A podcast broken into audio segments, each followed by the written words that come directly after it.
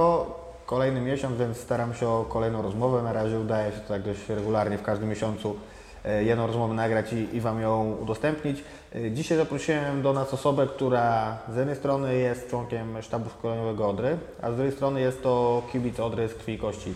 E, Chłopak, który jeździł na wyjazdy, chłopak, który trybuny zna na wylot.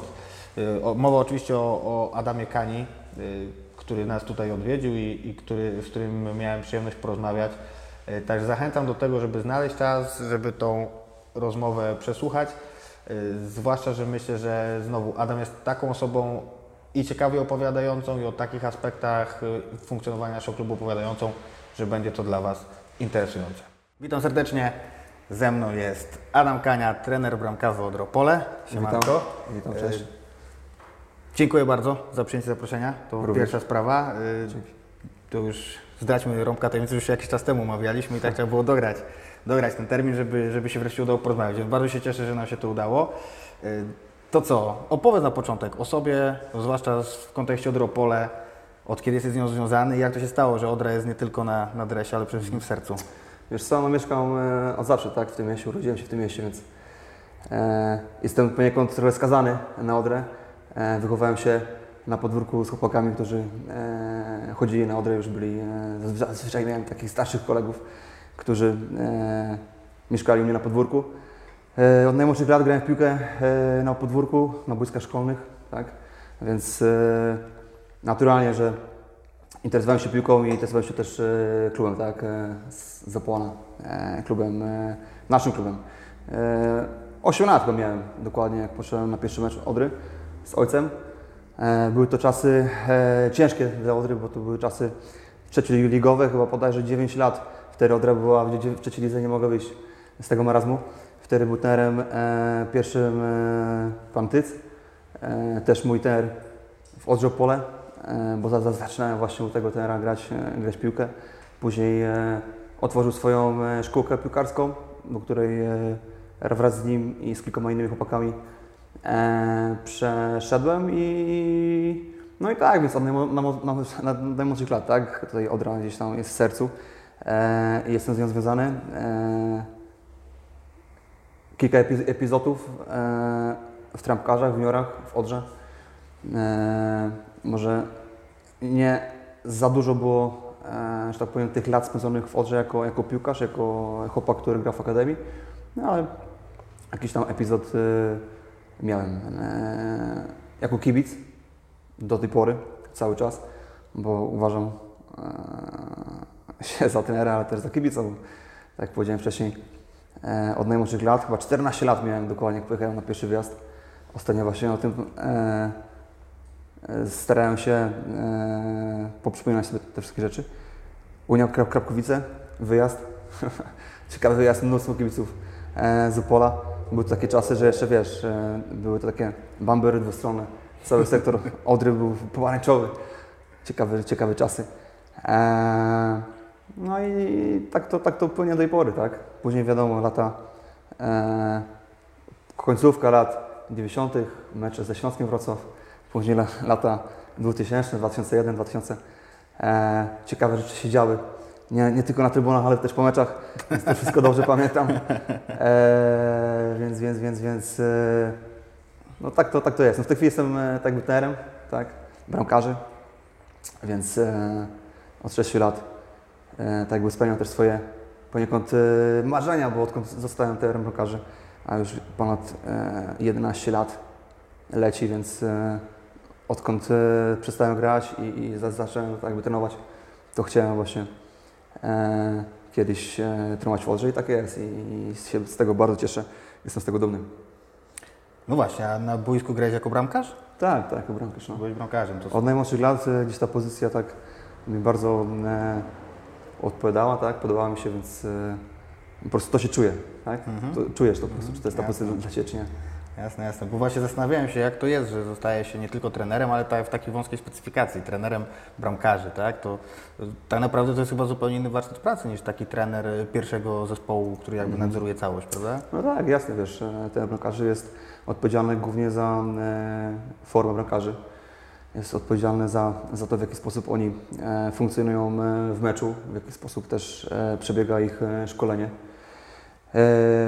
Choć coraz częściej ten bramkarzy również jest takim TR-em, można powiedzieć, pełnoprawnym e, w sztabie szkoleniowym i jest odpowiedzialny też za inne e, elementy, też e, za jakby taktykę i funkcjonowania bramkarza wraz z linią obrony. Coraz częściej jest ta pełna integracja, że nie jest bramkarz i drużyna, tylko jest właśnie bramkarz wraz z drużyną. Jest to wszystko połączone tak jakby w, jedną całość i no tak, no, mówi się, że TR-em bramkarzy nie może być osoba, która nie grała na tej pozycji. I coś w tym faktycznie jest, wiesz, no, na, na pewno trzeba znać specyfikę e, grania na tej pozycji, bo to jest zupełnie co innego niż zawodników z pola.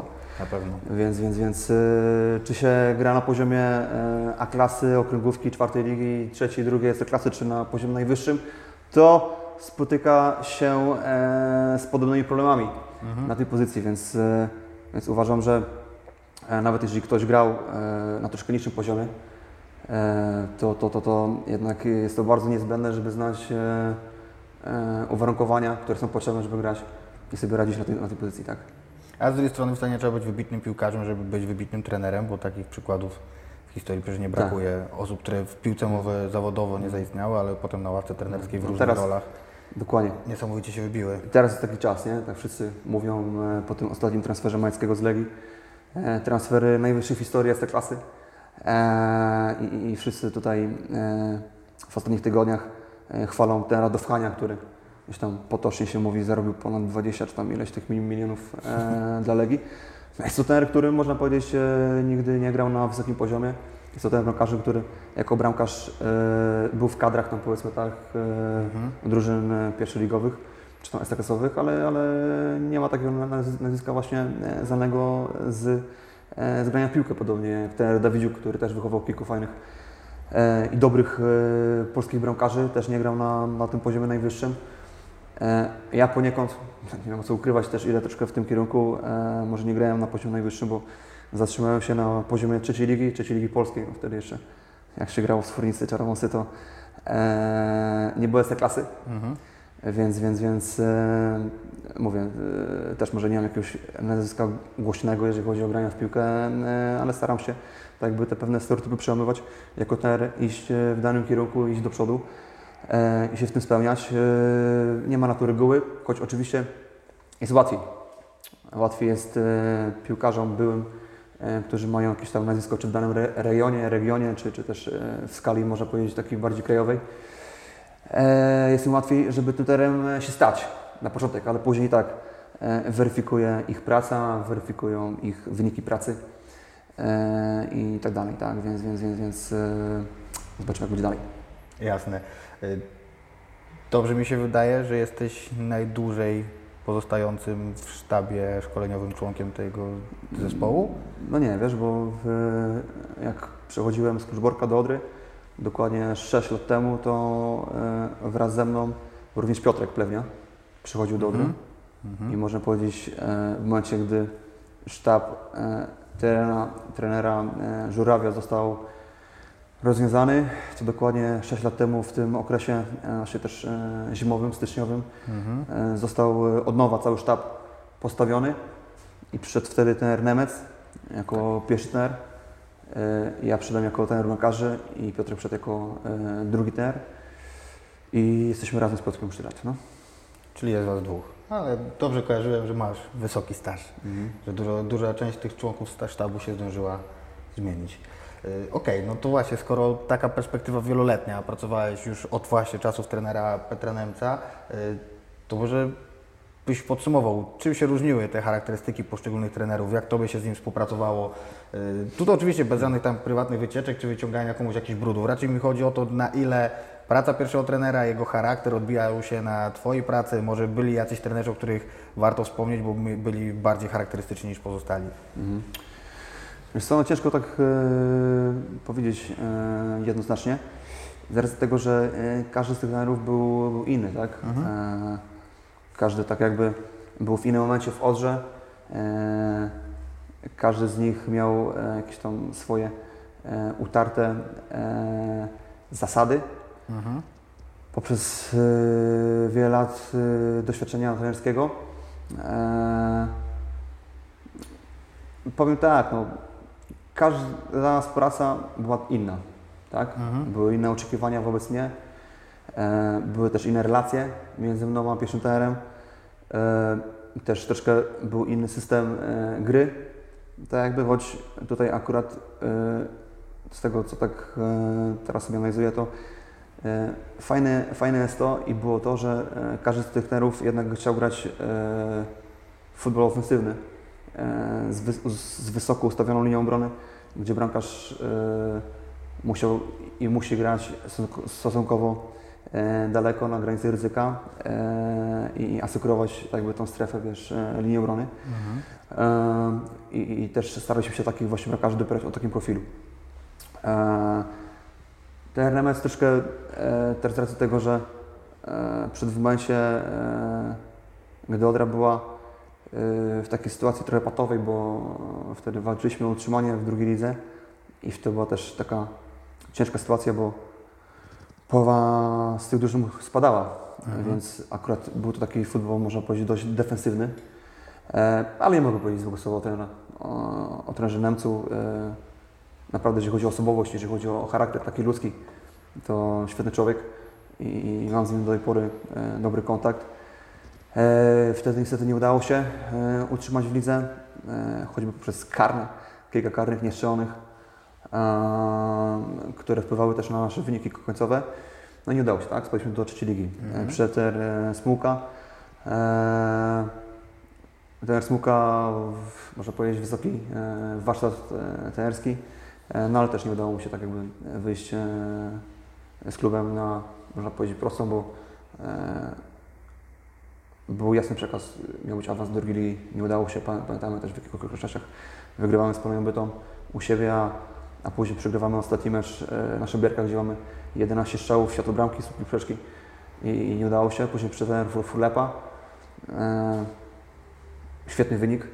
Można powiedzieć, że e, wynik historyczny uważam, Tak. e, jeżeli chodzi o historię Odropole.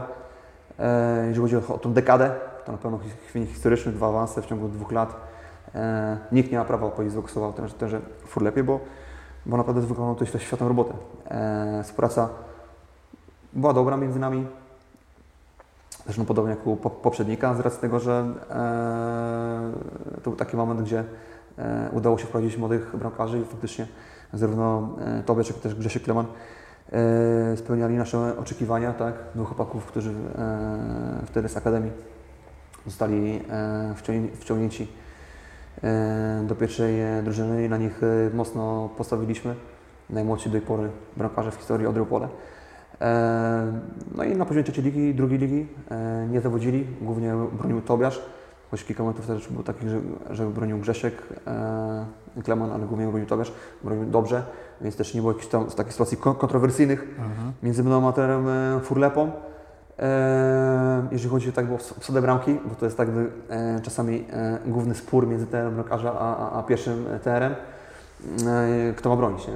No tak. W każdym, w każdym bądź razie e, tu, to, to tak nie było. E, ten Fulepa e, akurat był takim terem, który miał takie swoje żelazne zasady.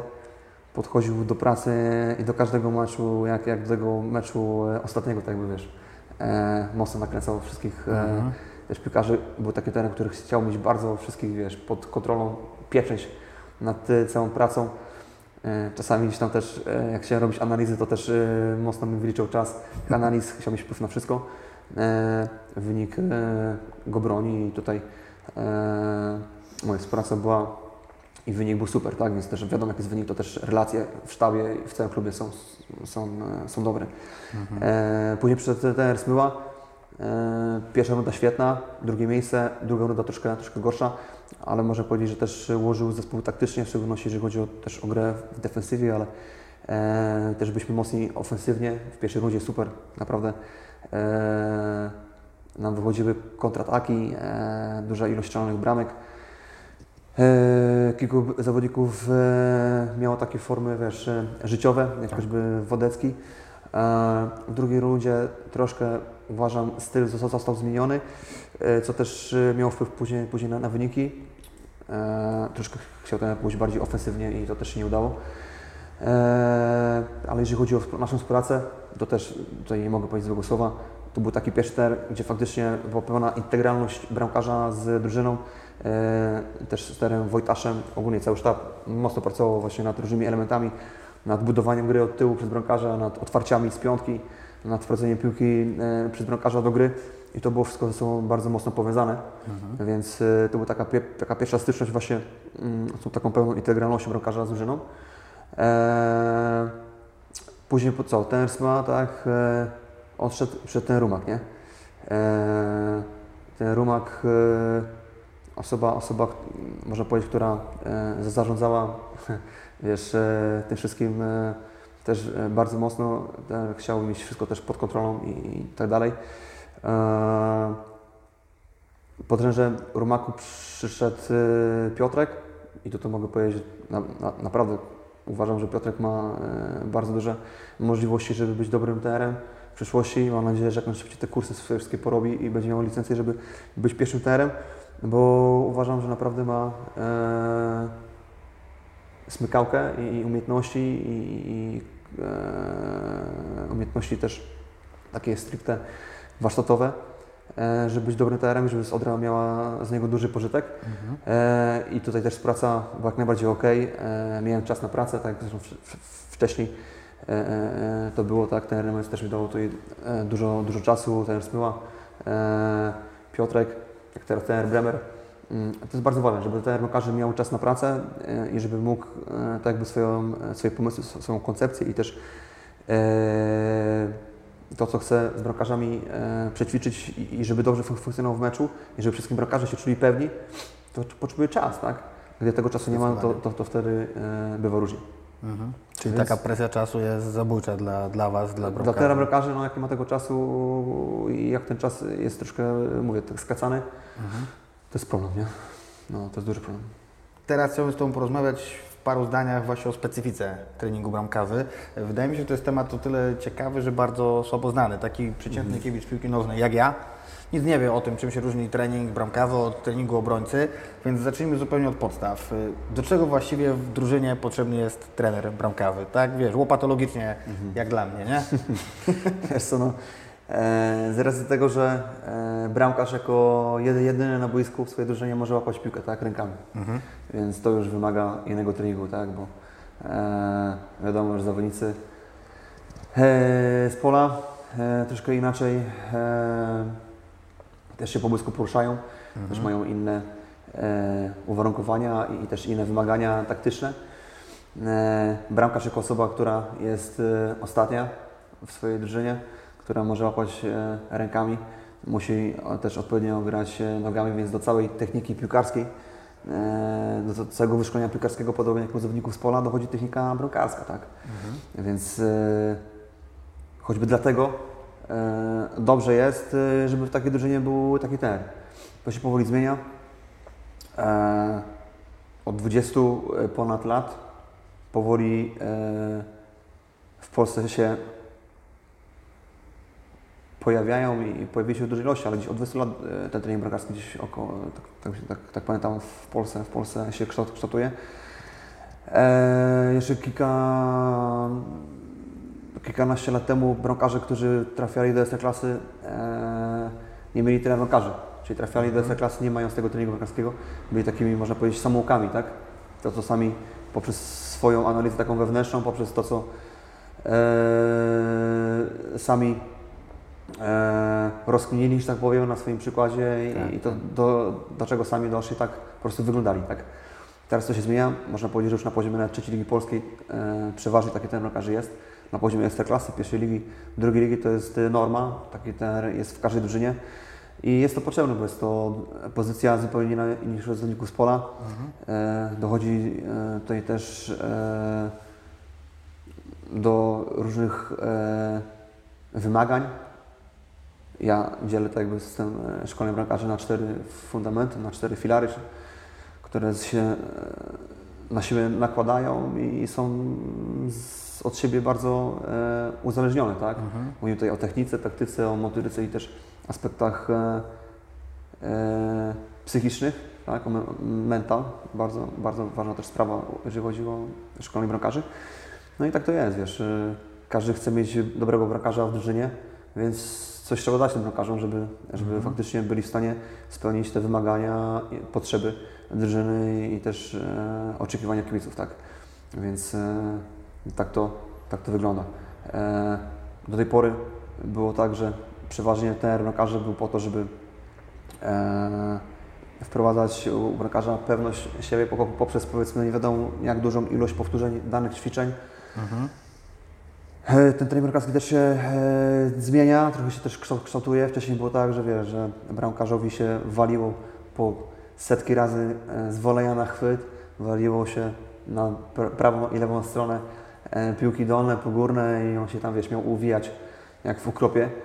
E, teraz troszkę już to się zmienia, też coraz więcej elementów jest, e, że tak powiem, e, ćwiczona. Ten trening bramkarski jest rozbijany na różne e, elementy gry, na sytuację jeden na jeden, na grę e, na przedpolu, rozbijamy tutaj sektor centralny, tak, czyli jest odpowiednie ustawienie do piłki, która się znajduje w sektorze centralnym, odpowiednie ustawienie do wtedy, kiedy się piłka znajduje w sektorze bocznym, tak, czyli przy, przy liniach końcowych.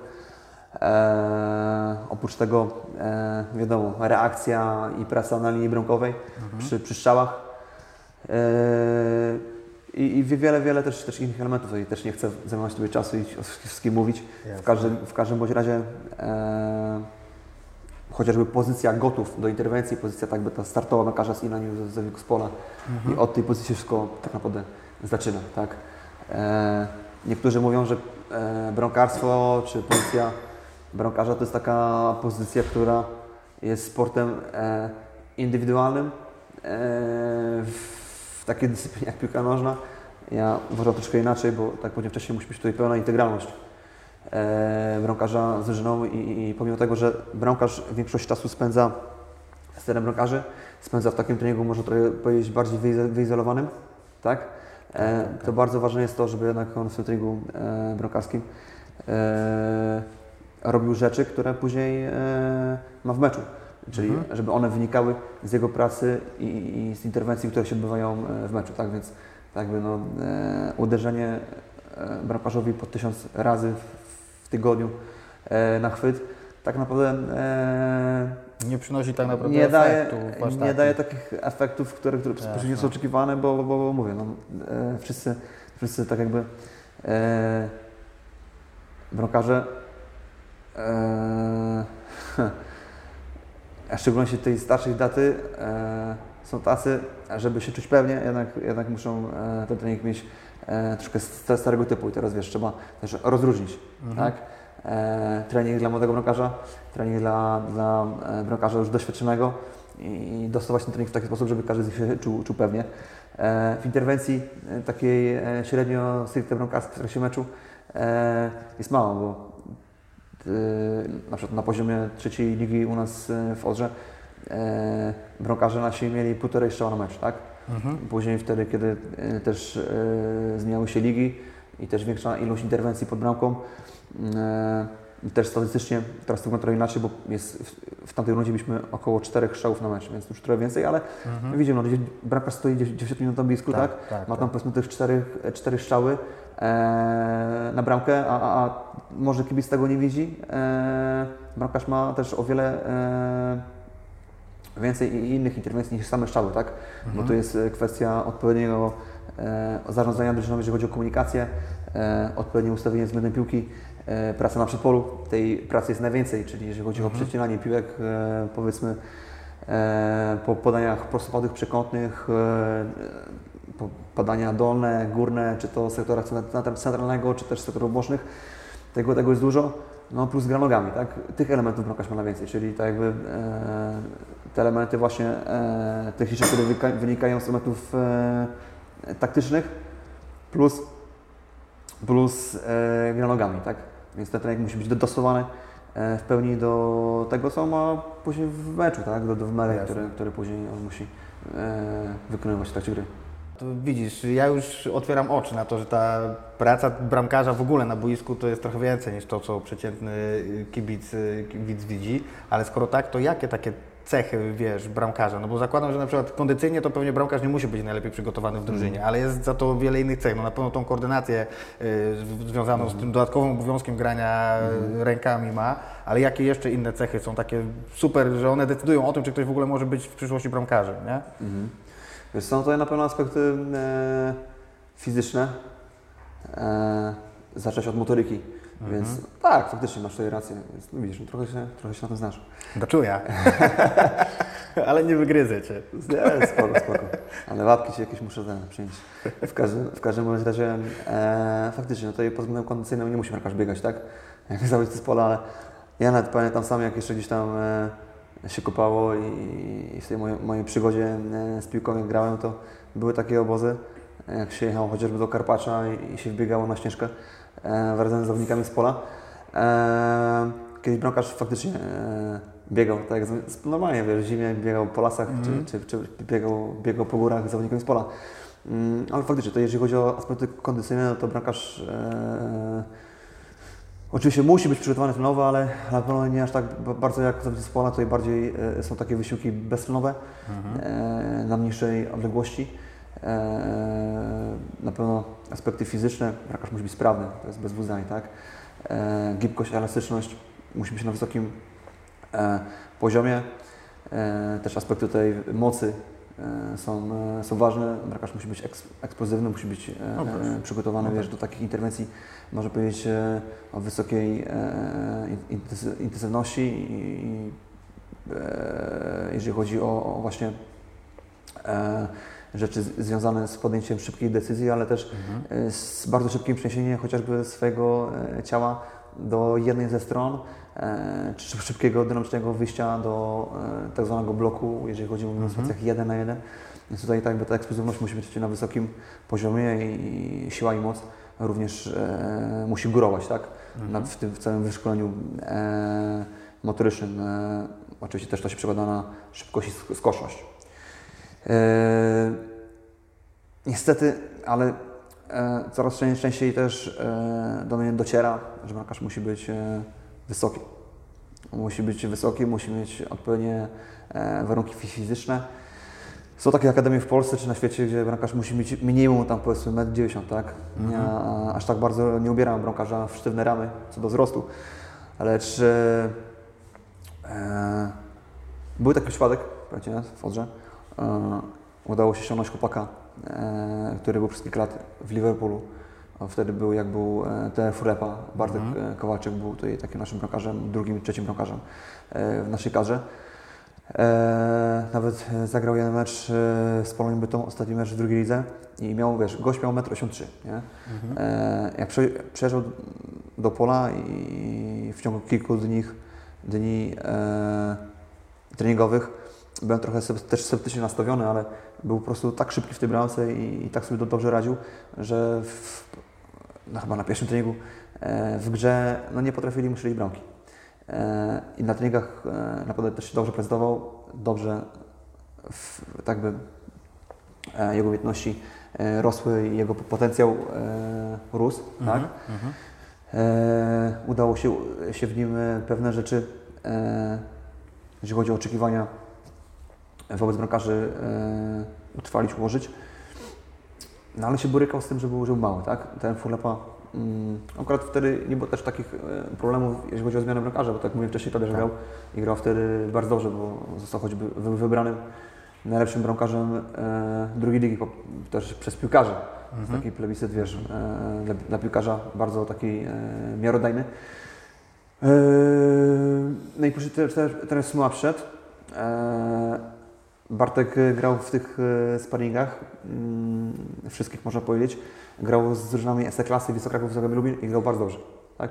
Jasne, padły jakieś tam bramki, e, przy których być może mu zabrakło wzrostu, ale e, teraz uznał, że niestety e, wzrost jest takim elementem, który, który e, może mu przeszkodzić tak jakby w tym, żeby, żeby bić się w hierarchii o, w pierwszej lidze, tak? Tak. Ale to nie mówię, tylko chcę, chcę Ci pokazać drogę. Akurat e, no, faktycznie większość trenerów, z którymi miałem do czynienia, wychodziła z tego samego e, że tak powiem, myślenia jak ten jest tak? Tak, On chce tak. po prostu mieć bramkarza wysokiego. No i to też y, to, tak, tak, tak po prostu jest u pierwszych trenerów y, nie tylko w Polsce, ale coraz częściej też na świecie, no, że y, mają taką e, blokadę, że, że mają większy, większy komfort, jak stoi bramkarz wysoki, bo mają, mają e, wtedy tak jakby e, nie wiem, czy spokój, czy, czy, czy po prostu to, że e, ten wyższy bramkarz da im więcej, chociażby jeżeli chodzi o, o walkę w powietrzu, tak? E, są takie przykłady na świecie, że, że bramkarze grający w Hiszpanii e, czy Portugalii są niscy, Casillas, tak? Navas, Bravo, Ochoa, można tak wymieniać. Są bramkarze o, o, o troszkę niski, e, o, nie, o troszkę niski, niskim wzroście, tak? O niższym wzroście. Tak. E, tak się zatrzymałem na temat wzrostu, ale to też jest ważne, bo e, dzieciaki od najmłodszych lat się ro- rozwijają, Mhm. trenują pod tym kątem, no i później dochodzą do takiego poziomu, że jednak ten kurde, chcieliby urosnąć, a, a nie mogą, nie? I dochodzą do takiego momentu, gdzie e, stoją przed wyborem, czy dalej grać piłkę, czy też nie. E, na pewno łatwiej jest wtedy, kiedy ma się te, tego wzrostu trochę, trochę, trochę więcej. Mhm. E, uważam, że ten 1,85 m to jest takie niezbędne minimum w tej chwili, żeby metr- o- o- 85, 86 to jest takie minimum niezbędne, żeby, żeby e, po prostu grać na wysokim czy na wyższym poziomie i żeby też ci pierwsi trenerzy dawali szansę chłopakom o, o, o takim wzroście. E, no i aspekty mentalne, tak, psychiczne są też ważne. E, wa- ważne jest to, żeby bramkarz e, potrafił sobie radzić ze stresem, żeby potrafił sobie radzić z e, oczekiwaniami i też e, żeby sobie potrafił radzić w momentach, kiedy e, puść jakąś bramkę e, ze swojej winy. Bo to jest nie- nieuniknione, tak? Nie ma bram- bramkarza, piłkarza na świecie, który by nie zrobił błędu. Cho- Chodzi o to, żeby tych błędów było jak najmniej. Tak? Mhm. E, i, I wtedy się gra albo na wys- mega wysokim poziomie, na niższym, właśnie, Albo się nie gra. Albo się nie gra, jeżeli chodzi o ilość e, błędów, tak? Mhm. E, które się popełnia, więc e, to jest ważne właśnie, że bramkarz e, raz, że wprowadzał spokój do drużyny, a dwa, że sobie radził z tymi wszystkimi rzeczami tak by około, około piłki, bo są oczekiwania coraz większe, tak? Jasne. Też zauważyłem, że troszkę mniej bramkarzy w tym momencie się garnie do bronienia niż, niż kiedyś tam. Mhm. Jest co- coraz więcej tak jakby tych szalonych rodziców, coraz więcej jest rodziców takich, którzy e, bardzo silnie i, mocno chcą, żeby ich e, dzieciaki e, grali na wysokim poziomie, coraz więcej jest rodziców roszczeniowych i dochodzi do takich momentów, że, że to rodzice nawet innych dzieciaków mocno presują bramkarzy za ich błędy, tak? Też nie wszyscy trenerzy e, młodych e, piłkarzy mają też, też świadomość, żeby ich chronić. Bo to jest nieuniknione. No. W trakcie meczu ile razy się zdarzy, żeby e, jakiś zawodnik ofensywny e, nie strzelił do pustej, czy nie strzelił w takiej super sytuacji, tak można powiedzieć, stuprocentowej. Tak. Więc bramkarz też czasami się może pełnić. E, więc to jest ważne, żeby sobie właśnie radzić z tymi rzeczami.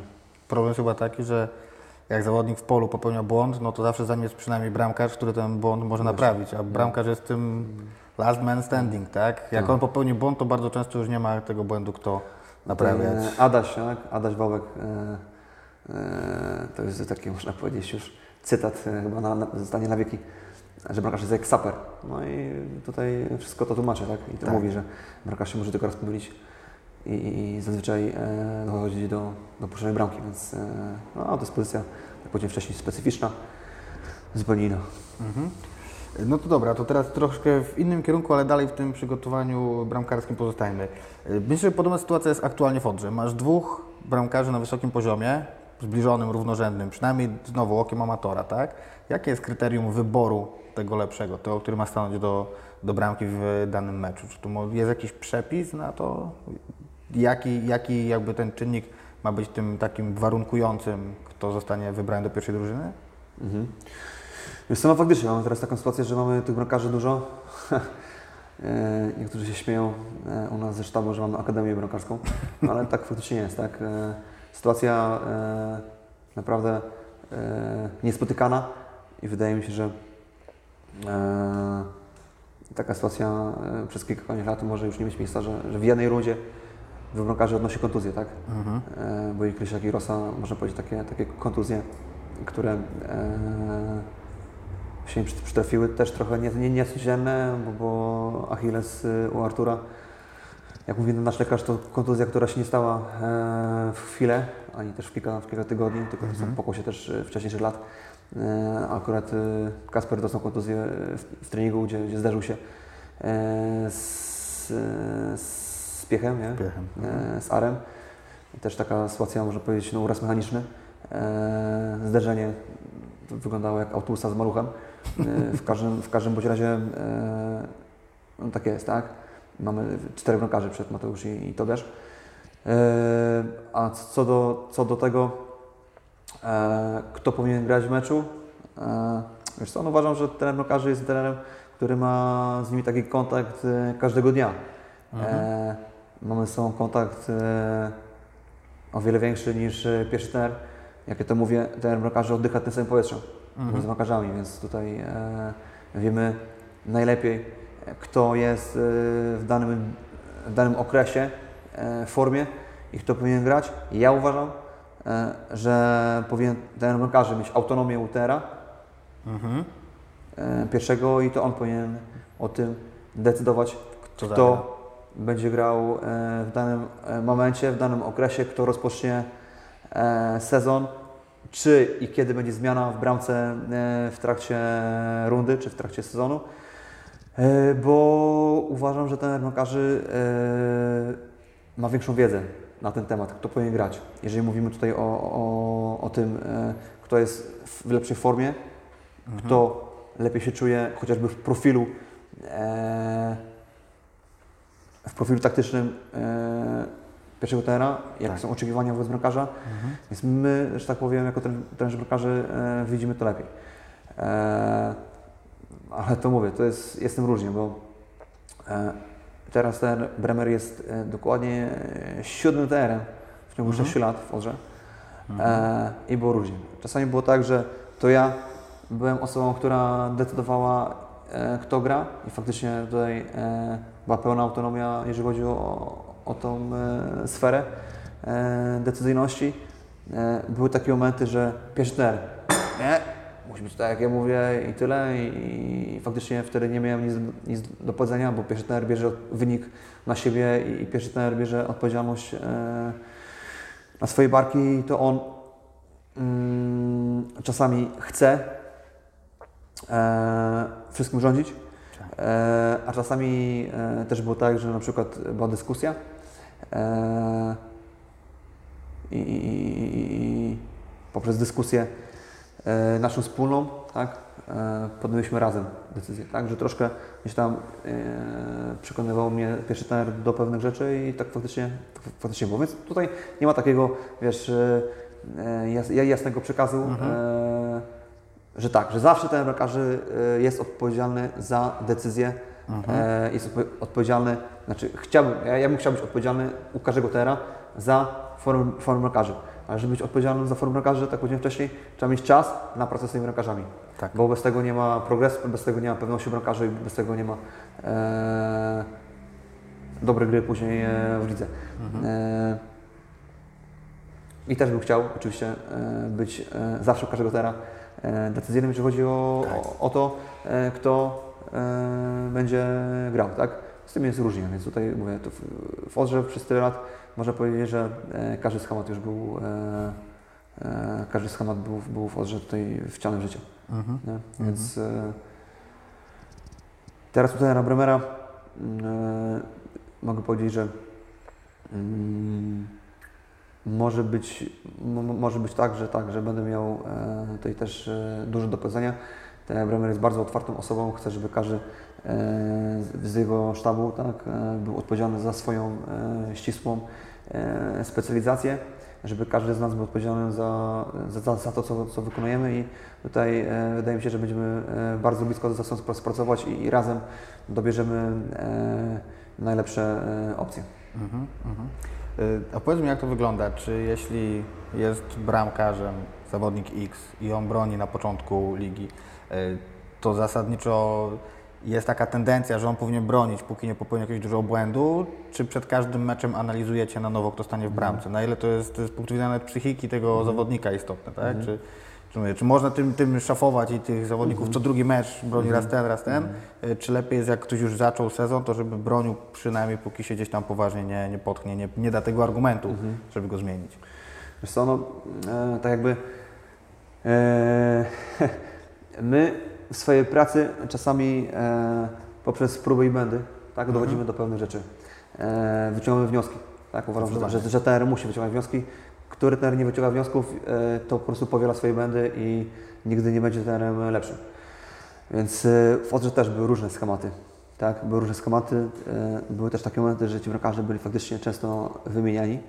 E, Po kilku latach doświadczenia w pracy e, z bramkarzami na tym poziomie, można powiedzieć, e, centralnym, tak wyższym, bo już e, wraz z Kluczborkiem już jest e, ponad 8 lat, to uważam, że e, najlepszą opcją jest taką, żeby e, daną rundę e, po okresie przygotowawczym zagrał bramkarz, e, który najbardziej odpowiada e, systemowi gry drużyny, który e, zna oczekiwania, które są wo- wobec niego, tak?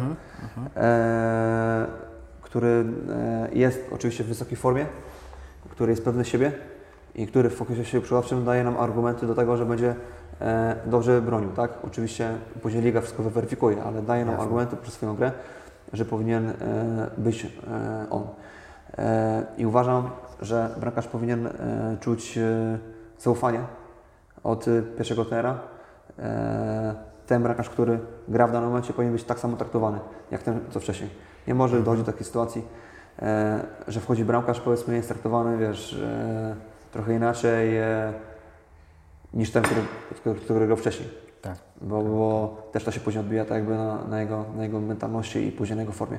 Dlatego uważam, że ten bramkarz, który zaczyna, e, powinien mieć kredyt zaufania i nawet w momencie, kiedy popełni jeden błąd czy drugi, e, powinien grać. Ale to też nie ma na to reguły. Dlaczego? No, dlatego, że e, czasami może popełnić błąd w meczu wygranym. Tak? Mhm. E, po meczach wy- wygranych zazwyczaj się zmiany na bramce nie, nie dokonuje. I e, oczywiście e, jest każdy mecz analizowany, tak? Ja każdy mecz analizuję bardzo e, szczegółowo. E, czasami na tych kilka godzin siedzę nad danym meczem i można powiedzieć wszystkie interwencje bramkarza rozbijam na czynniki pierwsze. Mhm. Poprzez też to prowadzę e, później statystyki, tak? Więc e, widać, widać e, w danym momencie, czy bramkarz jest w formie, czy nie. Powiem Ci, był, był taki moment e, u jednego z trenerów, gdzie bramkarz e, grał w danym okresie, drużyna wygrywała, ale i tak była zmiana. I można powiedzieć, że nie puszczał bramek e, ze swojej winy, ale była zmiana, dlatego że trener pierwszy uznał, że, e, że gra tak nerwowo i po- pomimo tego, że e, nie, nie popełnił jakiegoś błędu przy bramce i były mecze wygrane, to wp- wprowadzał troszkę niepokój w obronie i, i miał takie niepewne interwencje, że bał się, że w kolejnych meczach e, jednak tego błędu dojdzie, e, poprzez e, który padnie bramka, tak? Dla Tak, przeciwnika. tak, tak. I uznał, że to jest moment, e, nawet e, wtedy, kiedy były dobre wyniki, na zmianę, tak? E, I faktycznie tym argumentem mnie też trochę przekonał. E, więc e, nie ma takiej jasnej e, i klarownej odpowiedzi. E, lecz tak powiedziałem wcześniej, na, pewno bramkarz musi czuć pewność i, i, i e, nie, nie jestem zwolennikiem takim, że po jednym błędzie powinno, powinna być zmiana, tak? Jednak ten bramkarz powinien czuć zaufanie, komfort e, w tym, że nawet jeżeli jakiś błąd popełni, to i tak będzie grał dalej. Są bramkarze, w szczególności młodzi, którzy e, bez zaufania, bez e, takiej pewności od pierwszego trenera i od e, całego sztabu, tak, e, nie, są- nie są w stanie wyjść na, na wyższy poziom, tak, na wyższy pułap. E, Więc to jest, to jest bardzo ważne, w jaki sposób się z bramkarzem roz, e, funkcjonuje, ale nie, nie, nie tylko ten bramkarze, ale też pierwszy trener, tak? Oczywiście. Bo my jesteśmy tak jakby e, najbliżej nich, e, my, że tak powiem, spędzamy sobą największą ilość e, czasu, ale bramkarz i tak, że tak powiem, bardziej nawet uwierzy w słowo i to, co powie mu pierwszy trener, no bo też ma z tyłu głowy tą wiedzę, że to pierwszy trener podejmuje kluczowe decyzje i, i, i dla niego to, co powie pierwszy trener zawsze jest e, najważniejsze i czasami ważniejsze niż to, co powie mu ten bramkarze. Mhm. Tak, więc też to ważne jest to, żebyśmy my jako trenerzy, bramkarze i, i, pierwsi trenerzy mówili jednym głosem, żebyśmy mówili e, to samo, żeby mówię, to też, też, też e, nie wprowadzać jakiegoś takiego e, popłochu e, w komunikacji. Nie? Jasne, jasne. Wspominałeś właśnie o tej, że ważne jest, żeby bramkarz miał poczucie pewności, że pierwszy trener musi na niego stawiać, musi mieć takie przekonanie, że ma poparcie w sztabie szkoleniowym, ale z drugiej strony wydaje mi się, że przecież y, jak każdy zawodnik potrzebuje też trochę presji. Znaczy musi wiedzieć, że jest ten drugi bramkarz, który mu gdzieś tam na, na kark kucha. Jak to zrównoważyć, żeby z jednej strony właśnie nie było takiego leniwego misia, który już jest pewny siebie, a z drugiej strony, że miał to, miał, miał, miał to przekonanie, że cieszy się zaufaniem trenera. No, to jest e, ciekawe pytanie. Wiesz co, no konkurencja musi być, tak? Bez konkurencji e, żaden zawodnik, e, czy to bramkarz się nie będzie rozwijał, więc konkurencja jest bardzo ważna do tego, żeby umiejętności rosły, do tego, żeby e, ta właśnie presja e, taka e, z tyłu głowy była. E, wiesz co, no i zupełnie inna jest presja rywalizacji, a później presja w trakcie meczu. Uważam, że to jest troszkę co innego. Taka presja związana gdzieś tam z treningami, a, a presja związana z meczami. Zawodnik, który się presuje, y, który się stresuje tym, że ma wyjść na trening, no to nie będzie grał na wysokim poziomie, tak? No jasne. E, W każdym bądź razie e, uważam, że da się to wszystko tak by zrównoważyć e, i, i, i wcielić w życie, żeby e, bramkarz po prostu e, do, dobrze sobie radził w bramce i do, dobrze grał, tak? E, więc, więc uważam, że e, może to spokojnie sobą wszystko powiązać. Jasne. To teraz to zmieniając pytania, ale ciągle pozostając przy tym treningu bramkarskim. Bramkarz czy bramkarze biorą udział w całym dniu razem z drużyną, czy, czy jednak to jest tak zindywidualizowane, że idziecie jakby swoim, swoim tokiem? Mhm. Wiesz co, wszystko zależy od, od danego tygodnia, od danego mikrocyklu, od e, danego dnia. E, wtedy, kiedy nie ma tej czasy, e, wtedy, kiedy nie ma tego czasu na pracę, e, tyle ile e, by się chciało, czy tyle ile musi być, Tak. no to staramy się ten czas jakoś w inny sposób wygospodarować, tak? E, ogólnie zaczynając od e, początku dnia takiego, bo też chyba nie każdy o tym wie, jak wygląda taki dzień No w właśnie. klubie. No właśnie. E, To wygląda tak, że bramkarze przyjeżdżają na zbiórkę e, o tej samej godzinie jak e, pozostali zawodnicy. E, W większości dni w ciągu tygodnia przed treningami jest analiza. Analiza powiedzmy danego meczu, który się skończył. E, Czy też w kolejnych dniach analizy e, przeciwnika. Czasami u nie- niektórych trenerów są, analizy rady rozbijane na 2-3 dni żeby też w jednym dniu e, zbyt dużo informacji nie przekazywać zawodnikom, bo po prostu by naturalnie mogliby zapomnieć. Więc zawodnicy tak jakby funkcjonują w bardzo podobny sposób jak zawodnicy z pola, tak? Później w momencie, kiedy wychodzimy na boisko, zazwyczaj mamy swoją część bramkarską, taką część wprowadzającą e, w trening z zespołem, czyli e, w tą część, gdzie bramkarze później przechodzą do e, zawodników z pola. Zawsze staram się, żeby, te, żeby ta część bramkarska była połączona z wymaganiami i też z rzeczami, które później oni wykonują zespołem, żeby tak by przygotować ich motorycznie i technicznie, taktycznie do tego, co się później będzie działo z drużyną. Tak?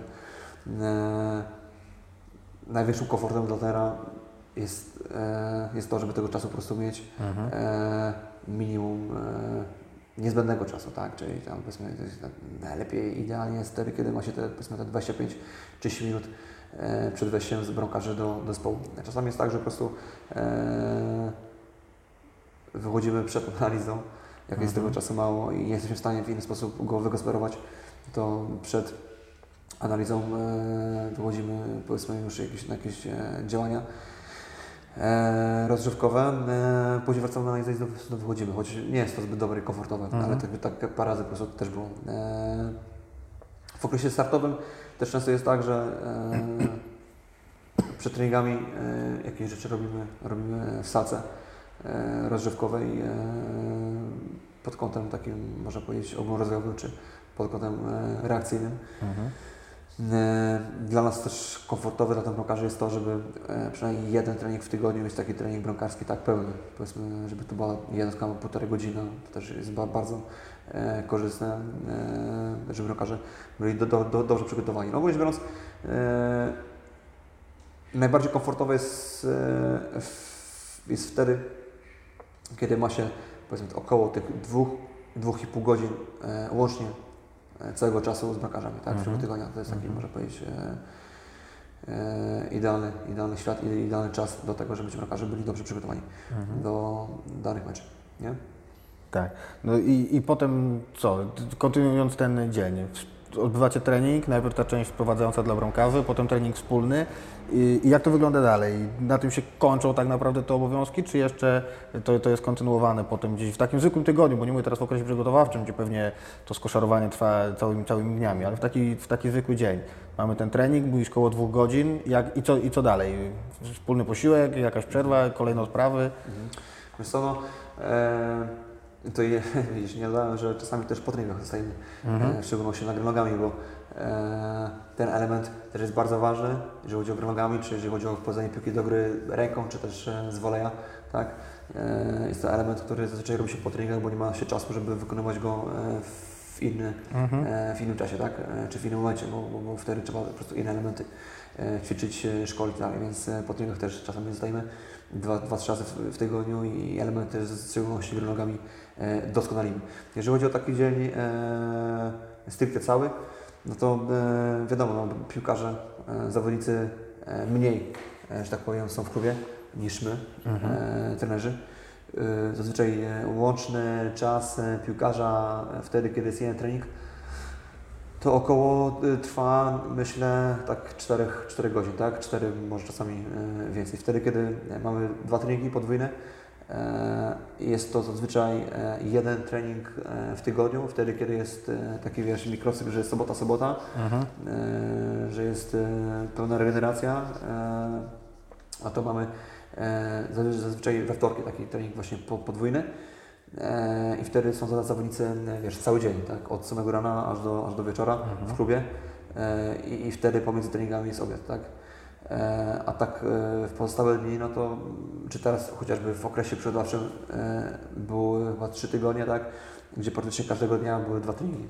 Więc, więc wtedy tej pracy, natężenie pracy jest, jest większe. I też w- zawodnicy spędzają tego czasu w klubie więcej, tak? No ale jak, jak to się mówi, też e, mówimy my jako trenerzy, że piłkarz e, to nie tylko e, jest wtedy, kiedy jest na treningu czy w klubie, ale zawód piłkarza to jest, e, można powiedzieć, e, cały czas, tak? Więc e, ci zawodnicy, którzy o siebie dbają, jeżeli tak jakby w odpowiedni sposób się odżywiają i w odpowiedni sposób też swój cały dzień układają pod, pod piłkę, zyskują na tym i po prostu lepiej grają, choć nie ma tutaj oczywiście jakichś schematu, takie reguły, ale zazwyczaj dochodzą na wyższy poziom, tak więc ogólnie piłkarzem nie jest się wtedy, kiedy jest się na boisku w klubie, tylko powinno się być przez całą dobę tak naprawdę, bo to jest wiesz, odpowiedni e, czas odpoczynku, odpowiedni czas snu, odpowiednia dieta, która też powinna być tutaj e, dostosowana do tak jakby e, e, czynności, które on wykonuje na, na boisku czy też w treningu. E, A my trenerzy tego czasu poświęcamy więcej, tak? Praktycznie e, jesteśmy e, od rana czasami do wieczora, do późnych e, godzin. E, nie, nie wszyscy to rozumieją i nie wszyscy wiedzą, że te, e, to nie tylko wtedy, kiedy jest na boisku z gwizdkiem, czy, czy, czy, czy wiesz, e, z, z, zeszytem. Tak. tak naprawdę ter e, spędza w klubie e, dużo czasu, bo trzeba trening przygotować, trzeba w odpowiedni sposób dostosować e, trening tak, e, w danym okresie. E, trzeba e, co do minuty ustalić e, przebieg tego treningu, tak, strukturę Mhm. tego treningu, co się dzieje w danej części boiska. Kto z nas, czyli osoby ze sztabu, robią, co robią, kiedy robią, tak, ile robią, Mhm, jeżeli mhm. chodzi o zakres czasowy. Po treningu trzeba trening zakończyć, trzeba go podsumować, trzeba go skonspektować, tak, czyli trzeba też e, odpowiednią archi- archiwizację e, jego zrobić, no i przygotować kolejny trening na kolejny dzień. Tak?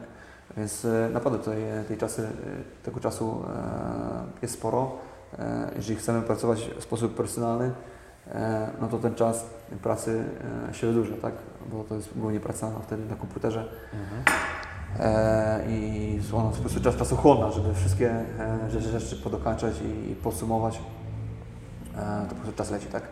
E, do, do, do tej pory Już po tylu latach czasami nawet moja żona się dziwi, a gdzie, gdzie ty byłeś tymczasem, nie? Ona myśli, że nie wiem, że gdzieś byłem, wiesz, na baletach albo na takich rzeczach, a to po prostu jestem w klubie i, i siedzimy, mówię, czasami nawet e, do późna, żeby wszystkie rzeczy mieć e, zaplanowane i zrobione na tip, na tip top, tak? Mhm. Jak to się, jak to się mówi, więc tak to wygląda. Nie każdy, nawet czasami moi znajomi też e, tak się zas- zastanawiają i się pytają, co wy tam robicie ty- wtedy? Nie? Co wy, właściwie po 10-12 godzin w klubie i co wy tam robicie?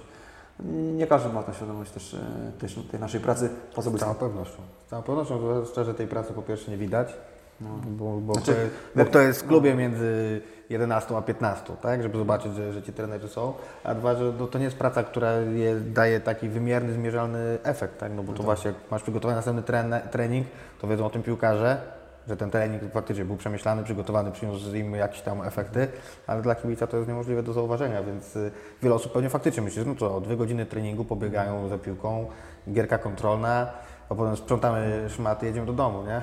Tak, wiesz, ogólnie rzecz biorąc, e, wiesz, jak to jest, jak są wyniki, to super, nie? No tak. Jak są wyniki, to super i e, nie jeden trener e, by powiedział, "Kurwa, dobra, 3 godziny, 4 godziny i, i okej, to starczy, bo są wyniki. Ale to na dłuższą metę tak się nie da, nie? No, to, to Mhm. Można sobie funkcjonować kilka tygodni, ale na dłuższą metę tak się nie da po prostu i e, już chodzą nawet legendy o niektórych sztabach w Polsce trenerskich, chociażby trenera Nawałki, że faktycznie siedzą e, cały czas, tak? E, cały dzień i, i nawet i, i połowę nocy. I tak jest też e, u tych trenerów, e, którzy też byli w Odrze, tych, u tych os- Mhm. ostatnich trenerów, to też po prostu tutaj była praca na, na, na full etat i nie wyszliśmy z pracy, dopóki pewne rzeczy nie zrobiliśmy. Mhm, mhm, mhm. Czyli wcale niełatwy kawałek chleba.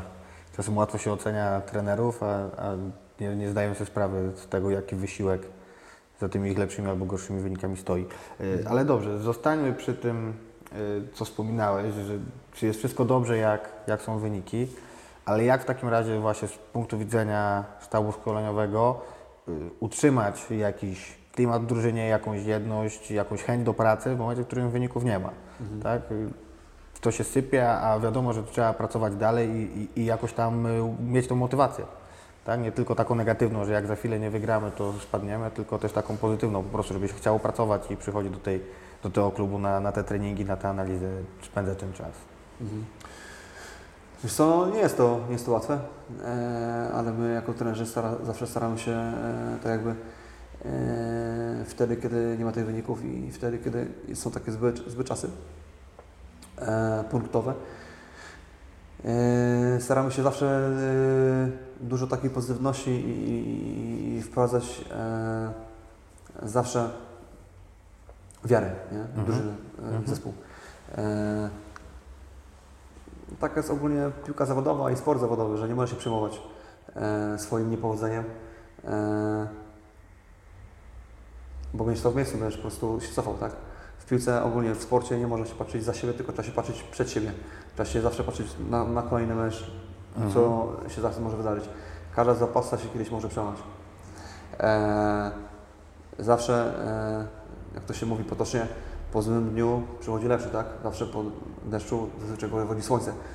I tak samo samo my do tego podchodzimy i staramy się zawsze e, zmienić e, tę mentalność na bardziej pozytywną piłkarzy i właśnie nie doprowadzać do, do sytuacji takich e, jakichś e, złych, gdzie mentalność e, spada w taki dołek, tak? Mhm. e, negatywny. Dlatego, dlatego e, bardzo ważne jest to, żeby e, być w dobrym e, kontakcie z zawodnikami i żeby też była dobra atmosfera, bo wiadomo, że się lepiej pracuje z nimi, lepiej się e, z nimi spracuje, szyb, szybciej się do nich dociera wtedy, kiedy jest to po prostu normalna komunikacja między Mhm. ludźmi, tak? Wtedy, kiedy są też traktowani normalnie, w normalny sposób, e, sposób e, sprawiedliwy. E, wtedy, wtedy też jest łatwiej e, właśnie w kryzysie, Mm, bo też można powiedzieć, że trenera się poznaje, jak sobie radzi w kryzysie, nie wtedy jak idzie, jak e, zespół wygrywa, tylko wtedy właśnie jak zespół przegrywa, jak on sobie wtedy radzi, radzi e, w takich sytuacjach e, ciężkich. Mhm. Mhm, Więc zawsze staram się dążyć do, do, do tego, żeby, że tak, to jest ten tydzień, to jest ten mecz, kiedy będzie, będzie przełamanie, będzie lepiej. Super. Y, No dobra, to skoro tak, to na, jakie jest znaczenie tej presji pozytywnej albo negatywnej ze strony kibiców. Wiesz, y, mecz się nie udał, czasem kolejny mecz, kibice już tam czekają pod płotem, y, czasem mają do powiedzenia gorzkie słowa, y, czasem słyszysz po prostu o Belgii, bo to też się zdarza, y, czasem z trybun niesie się odra grać, y, ale a czasem wiesz, jesteśmy z Wami, tak, to wpływa w ogóle na piłkarzy, to wpływa na, na to ich odbiór tej rzeczywistości, czy to jest tak naprawdę takie emocje kibiców, które niekoniecznie przekładają się na to, co się dzieje w drużynie? Mhm. Jest to, tak, e, wcześniej nie ma reguły e, na takie rzeczy związane z mentalnością, bo niektórzy sobie z tym radzą, niektórzy sobie z tym nie radzą, tak? Też ciężko mi to mówić za piłkarza, ale z tego co widzę i z tego co niejednokrotnie widziałem i e, chociażby poprzez e, rozmowy z nimi, no to e, w większości przypadków to nie, nie pomaga, tak? Nie, nie pomaga. E, negatywny e, odbiór e, z trybun, ale przeważnie piłkarz, no, ogólnie piłkarz zawodowy nie może myśleć o tym, e, co się dzieje w trakcie meczu e, na Mhm. trybunach. Tak? Musi od tego odciąć. Musi po prostu skupić się na grze i na tym, e, żeby wykonywać swoje obowiązki jak, jak, jak najlepiej. E, Gdzieś tam z tyłu głowy się może to słyszy, ale o tym się nie pamięta w trakcie me- meczu. E, Szybciej e, tak jakby o tym e, pamiętają i słyszą zawodnicy, którzy siedzieli na ławce. Bo to po Mhm. prostu słyszą, tak, siedząc tak jakby u nas chociażby na, na, na, na wprost trybun, ale ci, ci, ci, którzy grają e, raczej się od tego odcinają, no bo mówię, nie, nie- nie mogą o tym myśleć. E, inaczej meczu, tak? Wtedy, kiedy e, słyszą to, e, że tak powiem, wprost e, w twarz. E, wiesz, ja ogólnie rzecz biorąc uważam, też inaczej kiedyś to odbierałem, jak sam jeździłem na mecze, Mhm. e, za, tak, tak powiem, mało lata, e, też inny był odbiór, a teraz jest zupełnie inny odbiór, jak jest. Znaczy tak się zastanawiam teraz, nie wiem jakby było, gdybym był e, dalej tylko kibicem. Mhm. Gdybym był e, kibicem, a nie miałbym styczności e, z tą dziedziną i z tą rolą, w której teraz jestem, tak? Tak. Więc e, mogę tylko powiedzieć tak ze swojej strony, że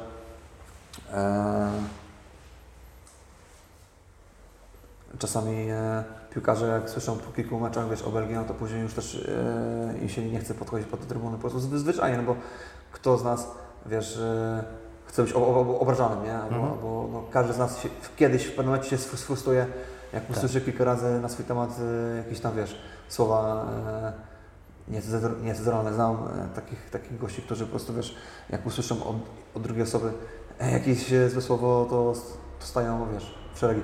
Więc e, nie jest łatwe dla nich na pewno, nie? Mhm. E, ale też chciałbym powiedzieć jedną rzecz, że, że to też nie jest tak, że po przegranym meczu czy, czy po dwóch, trzech porażkach zawodnikom się nie chce biegać, tak?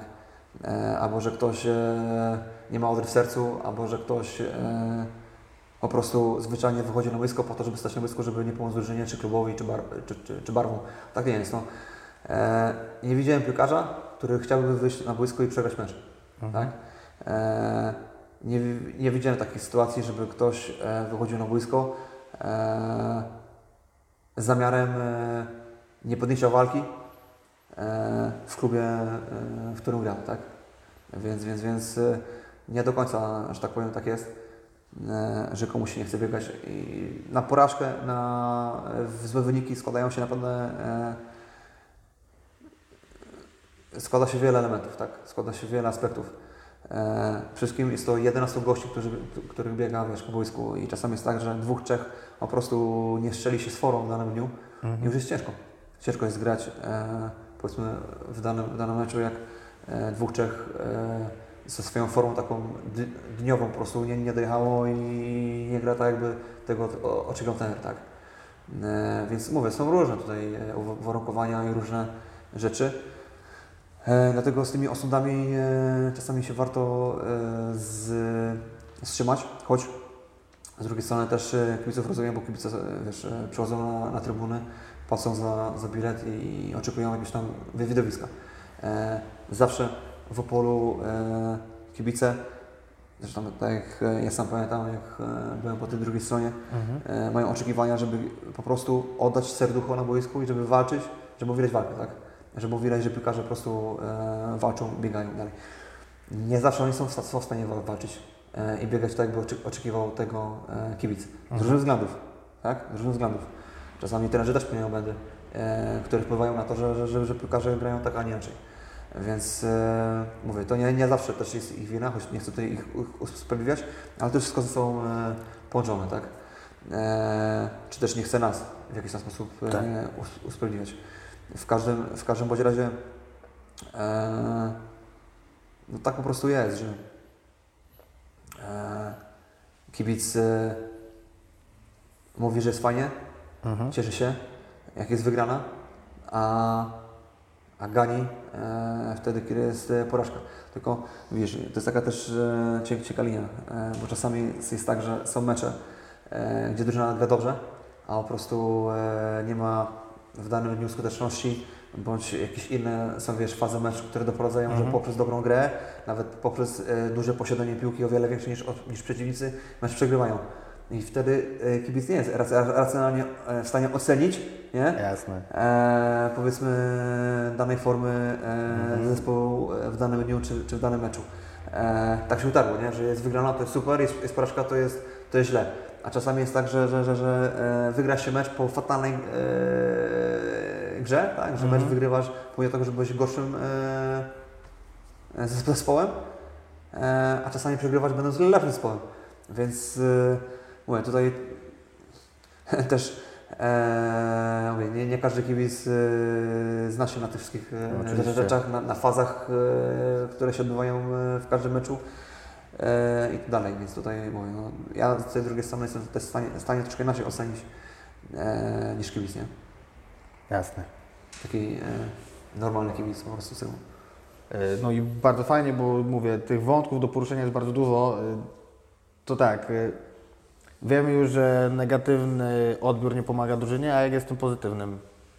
Faktycznie jak, jak po meczu pi piłkarze usłyszą jesteśmy z Wami, nic się nie stało, to to gdzieś tam pomaga się odbudować psychicznie, y, jakieś tam przybite piątki i tak dalej po wygranym meczu to, to dobrze wpływa na drużynę, czy to też jest tak naprawdę taka rzecz, która, y, którą piłkarz musi mieć z tyłu głowy, ale, ale nie powinna się gdzieś tam przybijać do niego, nawet jak właśnie są te y, pozytywne reakcje. No wiesz, na pewno rzeczy takie pozytywne budują, tak? E, każdego z nas, e, piłkarzy tak samo, kiedy jest wsparcie Mhm. z trybun na pewno buduje, tak? E, wtedy kiedy jest cały stadion, wtedy kiedy jest głośny doping, wtedy kiedy jest doping przez cały mecz, nie tylko wyrywkami, ale od pierwszej minuty do ostatniej, na pewno się piłkarzom lepiej gra i, i im pomaga, tak? To Mhm. bez dwóch zdań. Zresztą e, my jako trenerzy e, też e, chcielibyśmy naszą pracą i wynikami zespołu doprowadzić, żeby trybuny by- były pełne. Tak samo zawodnicy e, po to grają, trenują, żeby też e, grać dla kibiców e, Mhm. tak, swoich i też na- pewno e, głośny doping e, zawodników niesie. Jak jest e, dobry mo- moment e, punktowy w tabeli, jak są me- mecze wygrane, no to e, też na pewno wsparcie i dobre słowo piłkarza pomaga też, e, jeżeli chodzi o, mówię o, o takie te kwestie e, związane e, z pewnością, tak? E, W każdym, e, w każdym bądź razie e, tak sobie przy, przypominam, że e,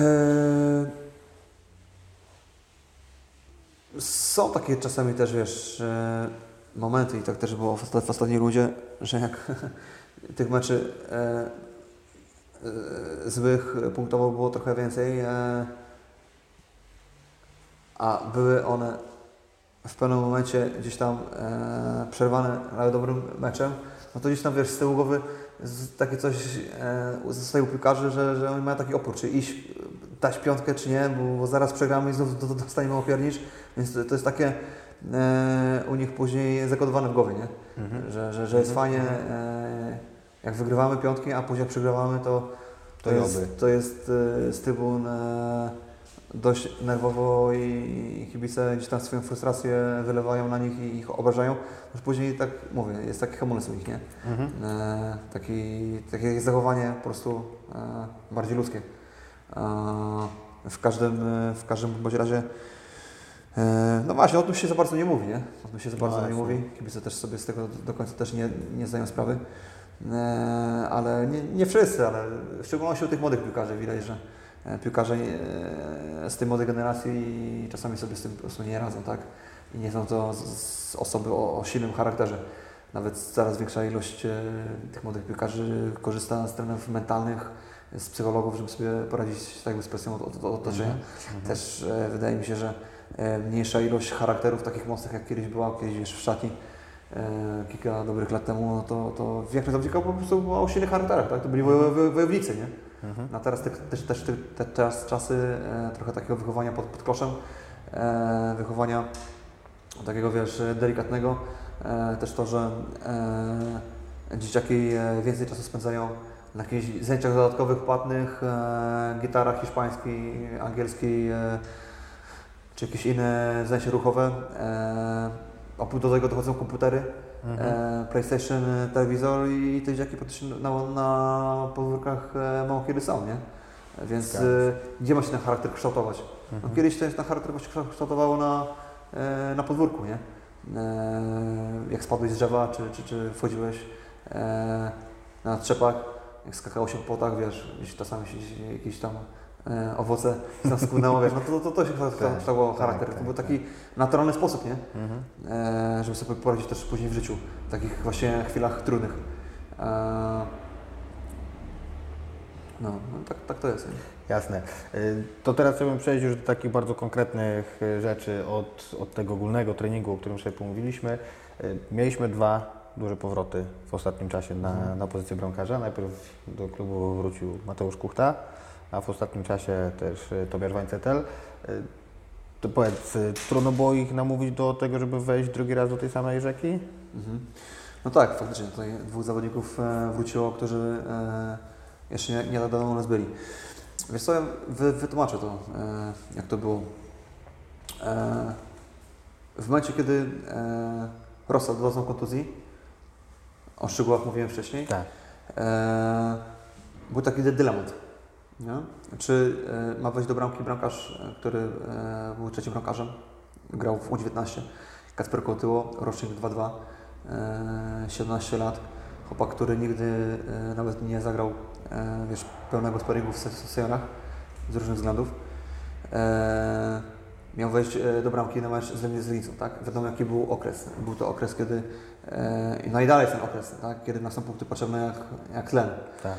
E, i, i, było takie zastanowienie, czy stawiamy na, na młodego i debiutuje w pierwszej lidze, mając 17 lat, e, czy ściągamy bra- bramkarza e, innego, tak, spoza, spoza klubu, bo e, jak masz dwóch bramkarzy kontrywanych w tym samym momencie w danej rundzie, to możesz ściągnąć poza okienkiem tak, e, bramkarza. I mocno tutaj e, się wszyscy razem wspólnie zas- zas- zastanawialiśmy, czy ma grać Kasper, e, czy dajemy mu szansę, e, czy, czy go ściągamy.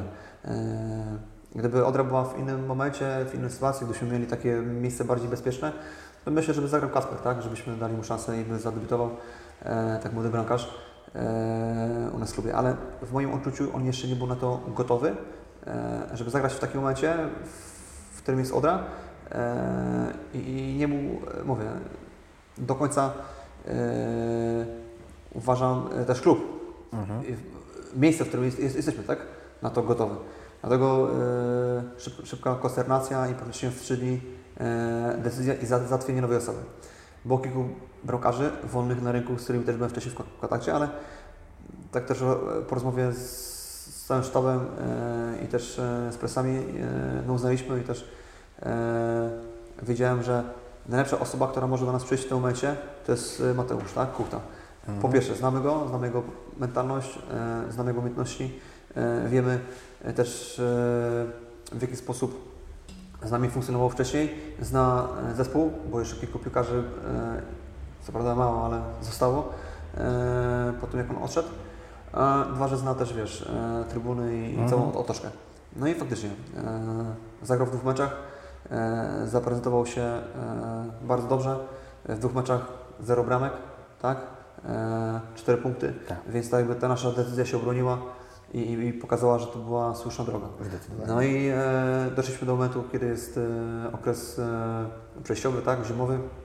Zaczynamy nowy okres przygotowawczy i mamy informację, że Krysiak e, z Rosą e, dojdą e, w okresie późniejszym, w okresie, kiedy już się zacznie druga runda, tak? Mhm. I teraz pytanie, czy zostajemy e, z jednym zdrowym zawodnikiem, z Mateuszem, e, i z dwoma młodymi, można powiedzieć, e, żółto-dziobami, jeżeli chodzi o, o, o piłkę seniorską, e, czyli z bramkarzem, który ma lat 17 i 16, tak?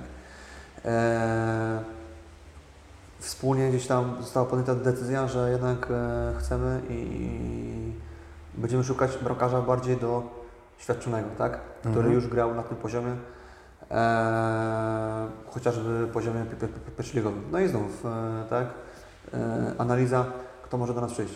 Wiesz, no, w momencie, kiedy Tobiasz on, od nas odszedł, byłem z nim cały czas w kontakcie, tak?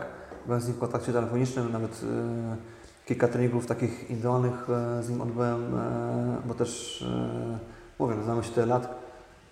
W sumie prowadzę go od lat 10. e, Pierwszy trening z jak miał 13 lat, więc, więc, więc e, no wiadomo, choć, choćby z, e, Taki wychowanek. poprzez, poprzez chociażby, wiesz, te, te relacje Tak. e, byliśmy ze sobą w kontakcie i, i e, była taka rozmowa w listopadzie, jak e, powoli się kończył sezon, no i jak już było wiadomo, że, że, że, że, że Rossa doznał takiej poważnej kontuzji i będzie go przez kilka miesięcy.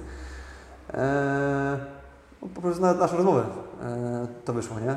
Ale wiesz, powiedziałem, też Wiesz, wcześniej jak był Tobiasz, e, ja byłem troszkę odbierany jak takiego ojciec i też nawet się Mhm. śmiano, wiesz, e, oczywiście trochę kolokwialnie, że, że to jest mój syn, no bo wiadomo, no, choćby z racji e, czasu, Tak.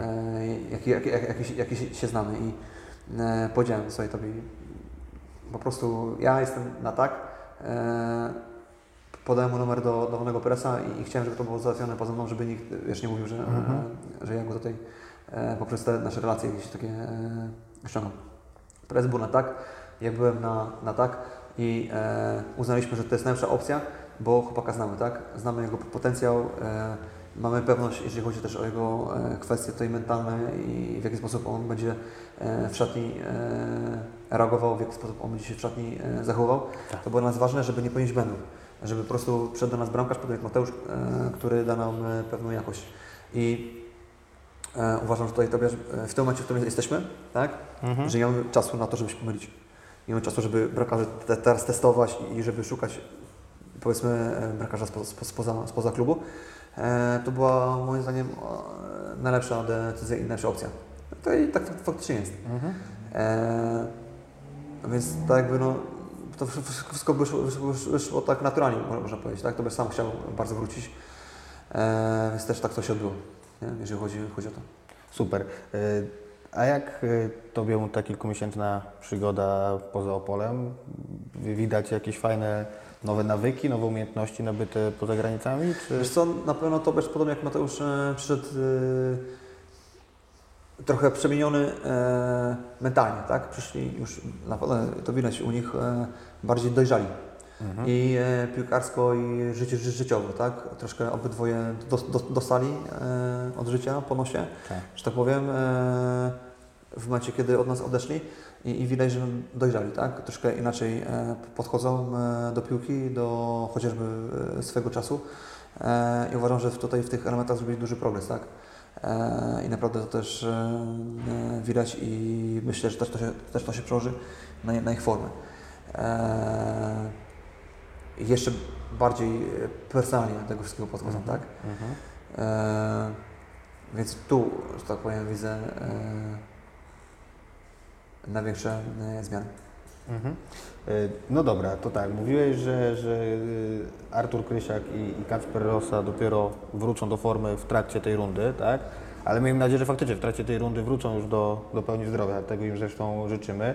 Y, Ale co wtedy? Klęska u latem? No bo będziemy mieli w tym momencie czterech potencjalnych bramkarzy na naprawdę dobrym poziomie, tak? Bo, bo co by tutaj nie mówić, to są wszystko bramkarze, którzy bronili na tym poziomie jako pierwsi bramkarze Odry, więc y, y, co latem będzie trzeba jednak wybrać dwóch z czterech, czy jak to sobie wyobrażacie?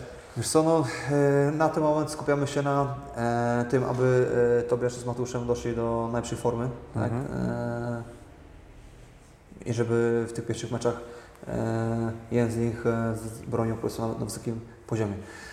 Też nie możemy oczywiście zapominać o Arturze i Kas- e, Kacprze, tak, bo e, też musimy się skupić na tym, żeby e, w odpowiedni sposób, bo już obydwoje za- zaczęli treningi też ze mną, treningi indywidualne, Mhm. bramkarskie, e, żeby też e, powoli ich wprowadzać, tak. E, myślę, że do kilku tygodni już zaczną tre- treningi z pierwszą drużyną. Więc jakby skupiamy się na tym, żeby przy- przygotować tą dwójkę do, do, do, do, do pierwszego meczu, do nowej rundy, tak? Mhm. No i tych, żeby oni powoli wracali do, do, do pełnego zdrowia, tak? Mhm. E, jeżeli chodzi o, o to, co będzie za pół roku, tego nie wiem. E, wiem jedno, że musimy się utrzymać i robimy wszystko, żeby tak było, tak? Ja w innej opcji nie widzę, żeby się utrzymać i tutaj wszyscy e, zawodnicy e, idą i muszą iść Mhm. w jednym kierunku. Cały sztab i wszyscy zawodnicy, ci, którzy grają czy nie grają, czy ci, którzy mają kontuzję, po prostu wszyscy muszą iść w jednym kierunku, żeby e, pomóc e, swoim kolegom e, z szatni e, w utrzymaniu, tak? E, pod każdym względem. E, co będzie za pół roku, mówię, nie wiem, tak? No Arturowi się kończy kontrakt. Kasper ma jeszcze kontrakt e, przez kolejne rundy, więc e, zobaczymy. Jak na razie oni się muszą skupić po prostu na tym, żeby dojść do pełnej sprawności, dojść e, na spokojnie do tego, żeby wrócić do, do treningu z zespołem, bo to są ciężkie kontuzje, tak? I tutaj Tak, e, tak jakby ponaglanie ich, czy też zbyt, szybkie, zbyt, zbyt szybki powrót ich e, może się odbić na ich zdrowiu. Mhm. E, więc, więc, więc e, tak do tego po prostu e, podchodzę. E, więc my, myślę, że za, jakiś czas po prostu się klub e, ustosunkuje do tej sytuacji, która jest. No myślę, że czterech bramkarzy na tym poziomie pierwszej ligi wiesz, no, mało jest drużyn, tak, w pierwszej Tak, żeby miało czterech takich bramkarzy, więc no, zobaczymy i na pewnie e, w najbliższym czasie e, będziemy się wszyscy razem wspólnie zas- zas- zastanawiali Mhm. mm, nad tym i myślę, że dobierzemy e, tutaj najlepszą opcję dla, dla klubu, tak. Jasne. To jeszcze tylko jednym zdaniem, ponieważ wspominałeś o, o dwóch skontuzjowanych zawodników. Powiedz, jak tam e, Rafał Niziołek, jak jego zdrowie, czy też już wrócił do treningów i Mhm. kiedy możemy się spodziewać, że, że wybiegnie na murawę? Wiesz co, Rafał jest już e, w treningu e, z zespołem od już e, kilku dobrych tygodni. Jak na razie wchodzi bardzo, bardzo powoli do takich gier kontaktowych. Mhm. Bardzo powoli jest wprowadzany. Wydaje mi się, że to jest kwestia kilku tygodni, tak? ale też nie chcę tutaj mówić za nasz sztab medyczny i nie chcę tutaj mówić za, za Rafała, ale na pewno jest bliżej niż dalej i myślę, że w tej rundzie powinien jeszcze zagrać. Super. Bardzo się cieszymy. Wszystkim naszym kontuzjowanym zawodnikom życzymy dużo zdrowia. E, A pomału kończąc, e, pytanie o to, jak na Was, na pracę, e, na mental wpływa to, że w klubie zimą doszło do sporych zmian. Tak? Z jednej strony wiadomo, że zmienił się pierwszy trener, no to to ma bezpośredni wpływ na Waszą pracę, ale zmieniło się też forma funkcjonowania klubu, zmienił się zarząd, y, prezes, zmienia się w ogóle sposób pracy w klubie, który staje się taki trochę bardziej korporacyjny, pojawia się więcej osób w, w klubie w Odrze, y, więc y, gdybyś mógł powiedzieć, czy to w ogóle wpływa na drużynę, wie się tym, gdzieś tam to z tyłu głowy jest, y, jeśli wpływa to czy dobrze, czy niedobrze, tak w kilku zdaniach. Mhm. Wiesz co, no, na pewno zmiany, które zaszły i które po prostu nachodzą i myślę, że, że będą dalej tutaj e, te zmiany wid- widoczne. E, są zauważa- zauważalne, tak? Przez nas e, terów. Wydaje mi się, że przez piłkarzy też, bo coraz więcej ludzi, tak samo z- zauważyłeś, e, pracuje u nas w klubie, Mhm. pracuje w administracji. Coraz więcej osób, e, marketing jest e, rozbudowany, więc pewnie z czasem też każdy kolejny dział będzie rozbudowany i, i klub będzie szedł w kierunku po prostu pełnej profesjonalizacji, tak jak sam powiedziałeś. E, nawet w kierunku korporacji, no bo teraz e, każdy klub e, piłkarski na najwyższym poziomie, Mhm. czy u nas w kraju, czy też za granicą jest po prostu nadzorowany i zarządzany jak firma. Mhm. Tak? Więc wydaje mi się, że powoli klub będzie szedł w tym kierunku i już widać te pierwsze zmiany.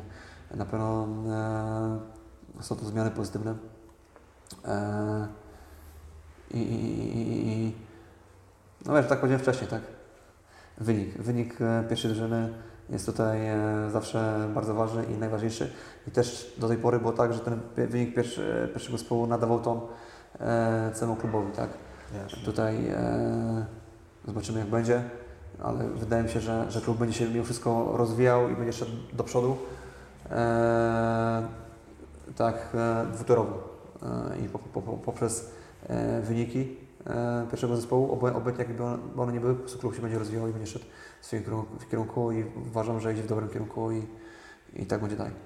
Super. No dobra. I kończymy, czyli, czyli takie zagadnienia, które, które zawsze moi goście dostają do rozpatrzenia, czyli najpierw pytanie, gdzie widzisz Odrę za rok o tej porze, a gdzie za 10 lat? Mhm. Wiesz co, no za rok yy, mam nadzieję, że w pierwszej lidze i widzę, znaczy nie mam nadziei, jestem po prostu przekonany i wszystko zrobimy, żeby tak było, żeby za rok o tej samej porze Odra była w pierwszej lidze i żeby e, walczyła nie o e, miejsca dolne część tabeli, ale powiedzmy minimum e, środek czy ogólnie Mhm. e, górne część tabeli, żeby to były. E, no widzę też e, Odrę za rok e, z brakarzami silnymi, że tak powiem, e, sportowo, tak. E, Też mam nadzieję, że też za rok e, jeden młody bramkarz od nas z Akademii, a teraz akurat jest Bardziej Sopielak takim bramkarzem, e, będzie mocno konkurował i rywalizował z tymi bramkarzami o, o miejsce, żeby dzisiaj to wszystko nam dalej w pozytywny sposób rozwijało, żeby bramkarze z naszej Akademii co jakiś czas trafiali do, do pierwszej drużyny, bo, to jest Mhm. też tak jakby wymiar naszej, naszej pracy. E, jeżeli chodzi o mówię, moją dziedzinę i o e, bramkarstwo u nas w klubie. E, za 10 lat mam nadzieję, że nowy stadion tak, e, spowoduje też e, to, że będzie coraz więcej kibiców przyjeżdżało na mecze, że też nasze województwo e, trochę się obudzi i będzie coraz więcej kibiców, kibiców na, na trybunach, że będzie za 10 lat klub, e, mówię już mega e, w pełni profesjonalny, e, z dobrym zapleczem e, sportowym e, i, nie, i nie tylko.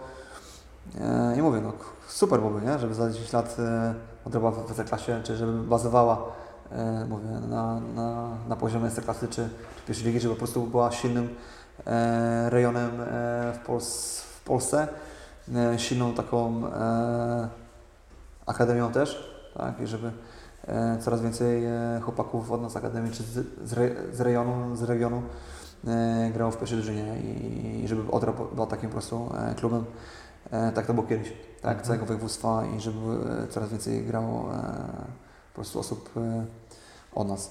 No i tak, nie? 10 lat to jest kupa czasu. E, Też e, No. ciężko być tutaj, wiesz, wróżką, e, czy wróżbitą, e, czy prorokiem, ale no to są, no mówię, e, tak 10 każdy lat z to nas, są Twoje marzenia po tak prostu. jak każdy z nas, wiesz, e, każdy e, kibic Odry chciałby, żeby za 10 lat po prostu klub był na, na jak najwyższym poziomie.